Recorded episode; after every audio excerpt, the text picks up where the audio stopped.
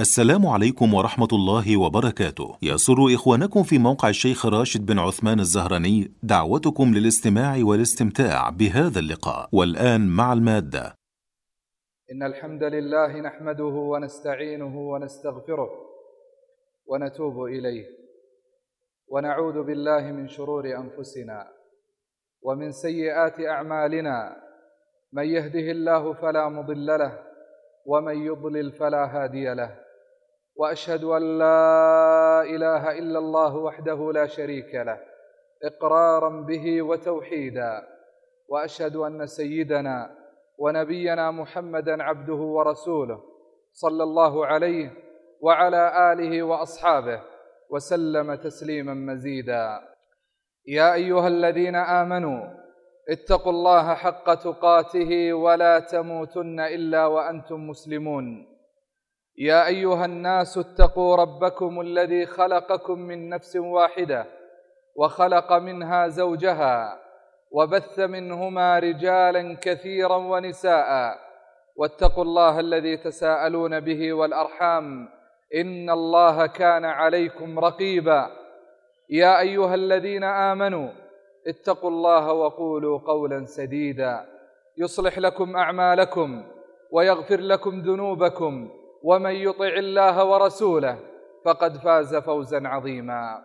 أما بعد أمة القرآن اتقوا الله حق التقوى واستمسكوا من دينكم بالعروة الوثقى واعلموا أن أجسامنا على النار لا تقوى.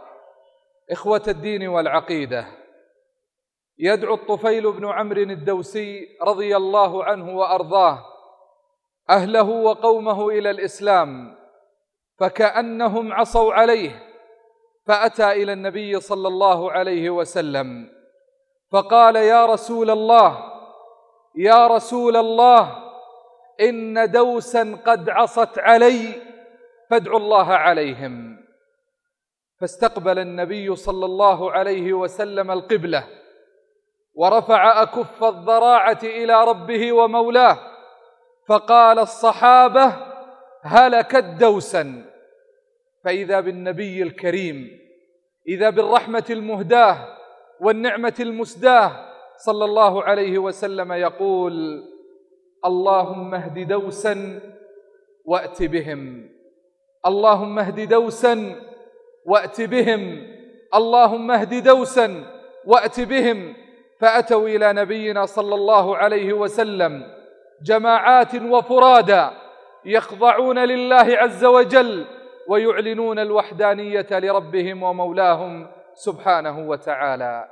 أيها المؤمنون يا أتباع محمد صلى الله عليه وسلم يا أحبابه يا حملة رسالته لقد من الله عز وجل علينا بهذا النبي العظيم بهذا الرحمة الذي قال الله عز وجل عنه لقد جاءكم رسول من أنفسكم عزيز عليه ما عنتم حريص عليكم بالمؤمنين رؤوف رحيم. مظاهر رحمة النبي صلى الله عليه وسلم بهذه الأمة لا تعد ولا تحصى.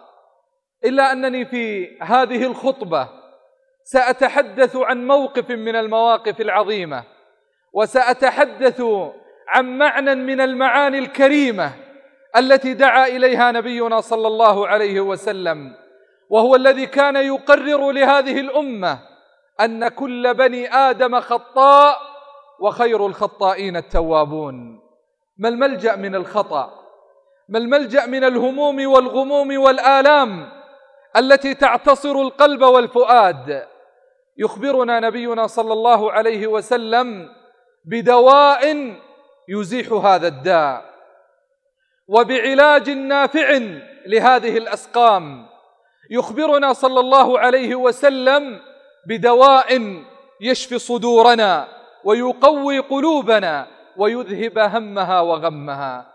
وإذا بنبينا صلى الله عليه وسلم يعلمنا الاستغفار.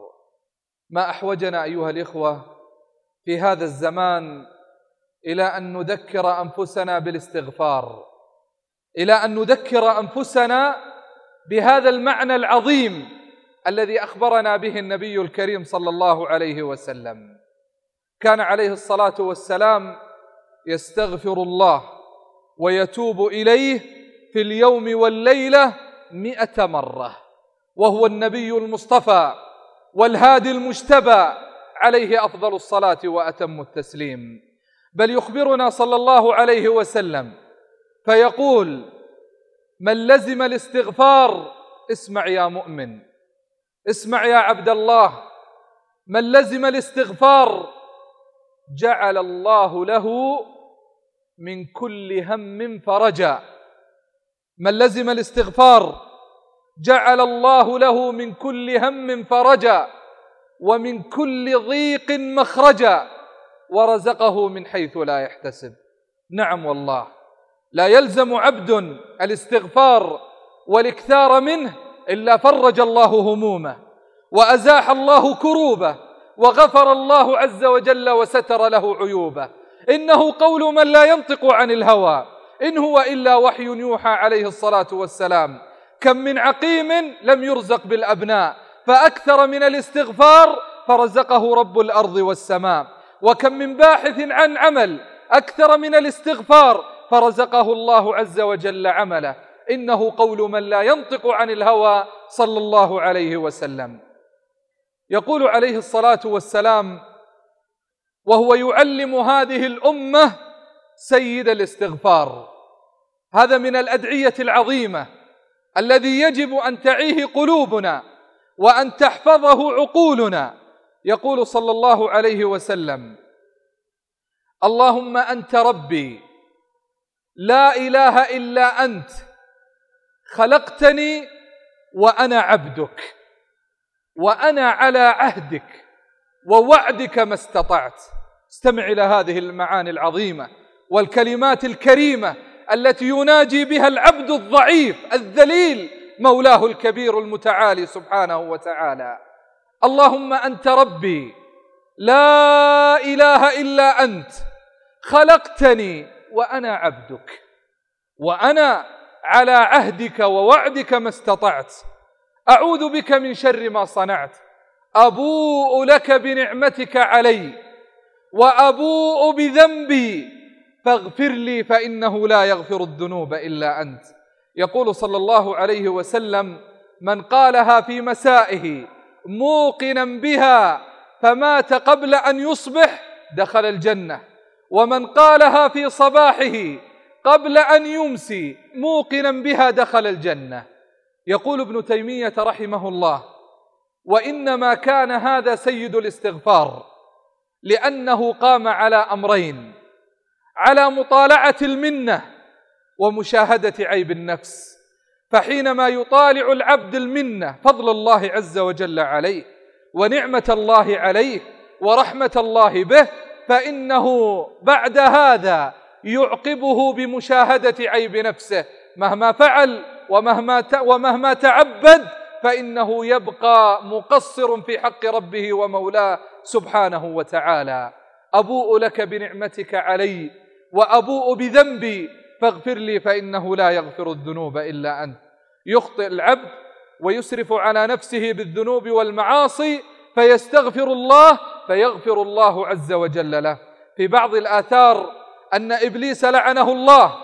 يقول يا رب وعزتك وعزتك لا أبرح أغويهم ما دامت أرواحهم في أجسادهم. فقال المولى الكريم سبحانه وتعالى وعزتي وجلالي لا أزال أغفر لهم ما استغفروني. إن الاستغفار يعود نفعه على العبد. يعود نفعه على المستغفر يعود نفعه على من ابتلاه الله عز وجل بالهموم والغموم والآلام والأحزان. تأملوا يا أتباع محمد إلى هذا الحديث القدسي العظيم.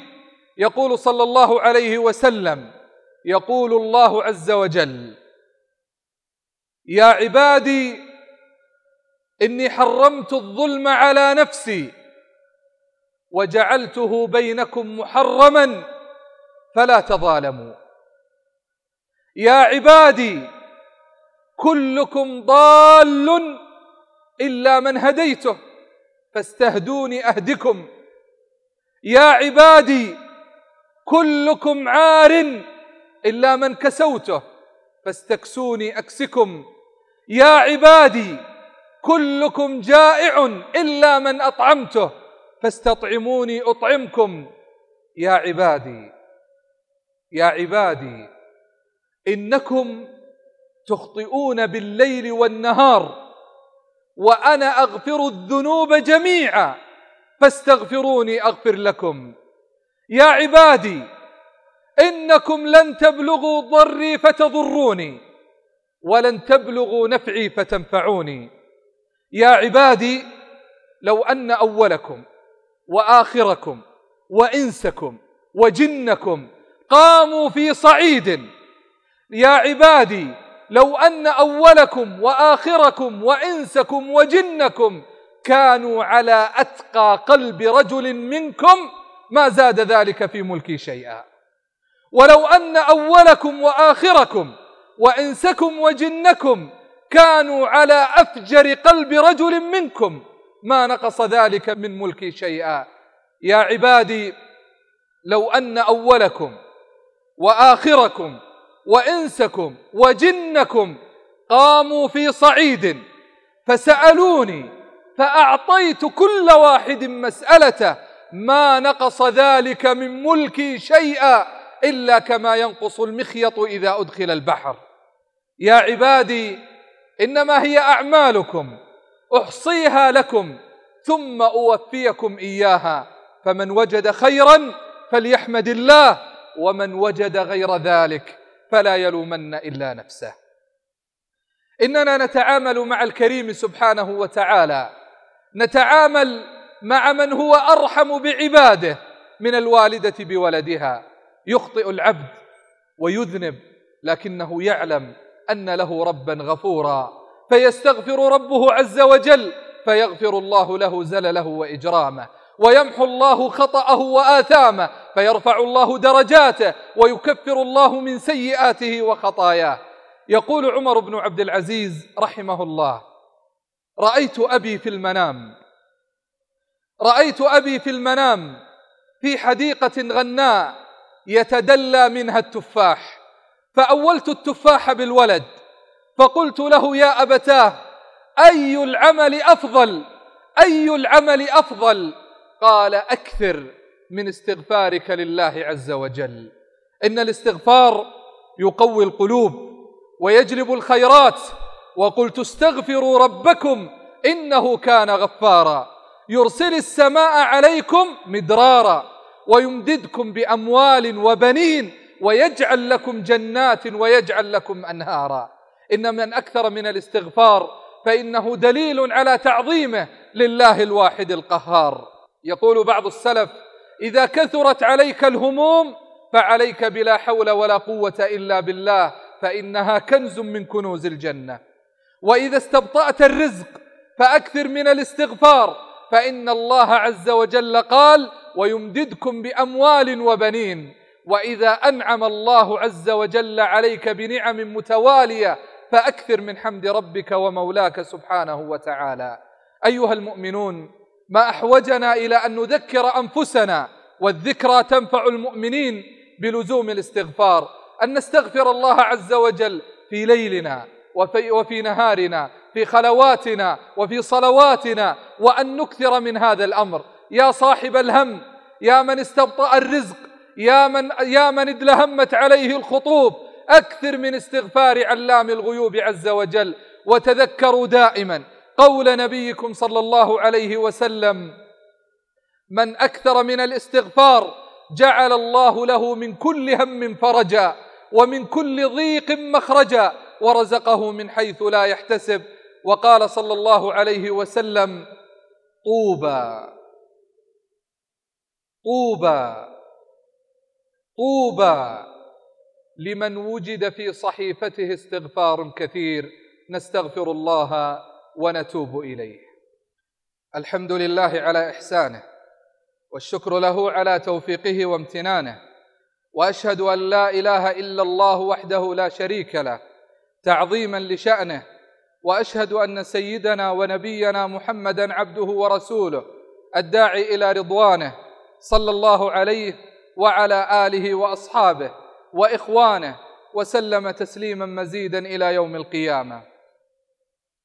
اللهم يا عالم الخفيات اللهم يا قاضي الحاجات اللهم يا رب البريات اللهم يا سامع الصوت اللهم يا سابق الفوت اللهم يا كاسي العظام لحما بعد الموت اللهم يا رب الأرباب ويا مسبب الأسباب ويا خالق خلقه من تراب.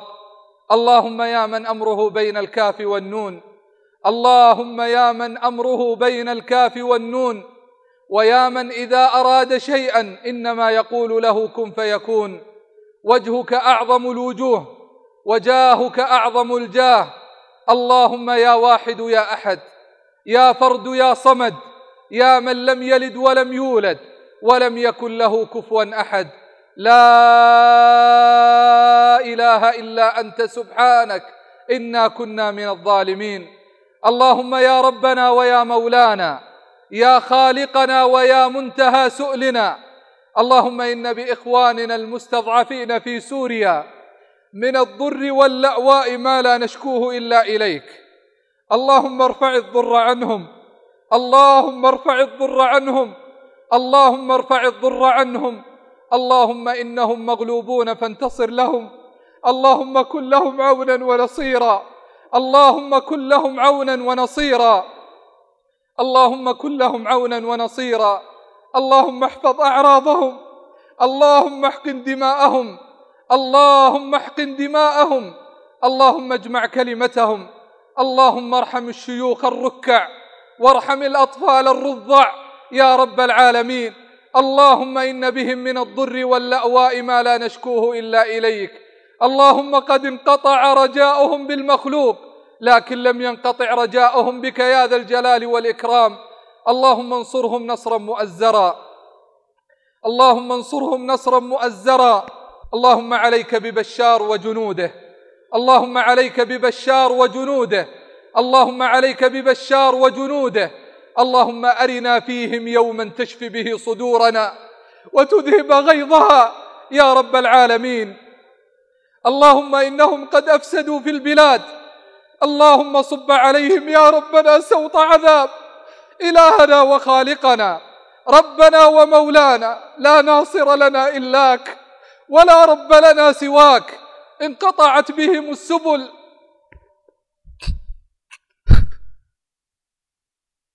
وعجزنا عن نصرتهم. اللهم كن لهم عونا ونصيرا. اللهم كن لهم عونا ونصيرا. اللهم لا تؤاخذنا بخذلانهم يا رب العالمين.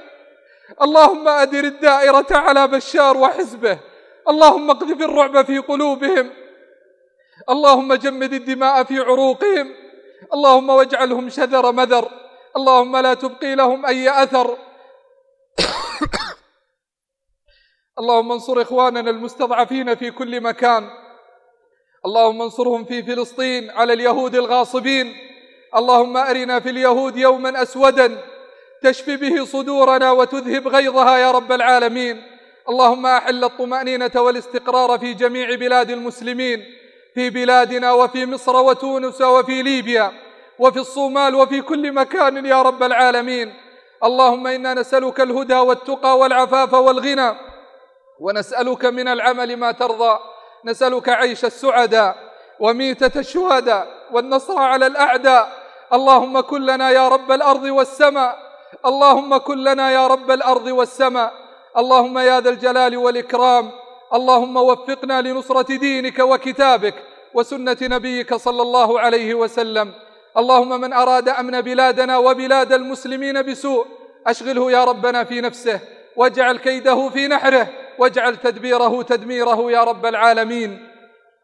اللهم وفق ولي أمرنا بتوفيقك وأيده بتأييدك وأعل به دينك وانصر به كتابك وسنة نبيك وعبادك الموحدين. اللهم وفقه وولي عهده لما تحب وترضى. خذ بنواصيهم إلى البر والتقوى. اللهم واجعلهم رحمة برعيتهم وأعنهم على تطهير البلاد والعباد من الفساد والمفسدين يا رب العالمين. يا ذا الجلال والإكرام. عباد الله أكثروا من الصلاة والسلام على نبيكم محمد وخاصة في هذا اليوم المبارك فإن من صلى عليه صلاة واحدة صلى الله عليه بها عشرا. اللهم صل وسلم وزد وبارك على نبينا محمد. وارض اللهم عن الأربعة الخلفاء الأئمة الحنفاء الذين قضوا بالحق وبه كانوا يعدلون. وعنا برحمتك يا ذا الجلال والإكرام. وتحروا ساعة الإجابة في هذا اليوم. فإن فيه ساعة لا يوافقها مسلم يسأل ربه بخيري الدنيا والآخرة إلا أتاه الله سؤله. والراجح من أقوال أهل العلم أنها ما بين العصر إلى غروب الشمس. نسأل الله عز وجل أن يؤلف بين قلوبنا على الحق والدين وأقم الصلاة. إن الصلاة تنهى عن الفحشاء والمنكر ولذكر الله أكبر والله يعلم ما تصنعون.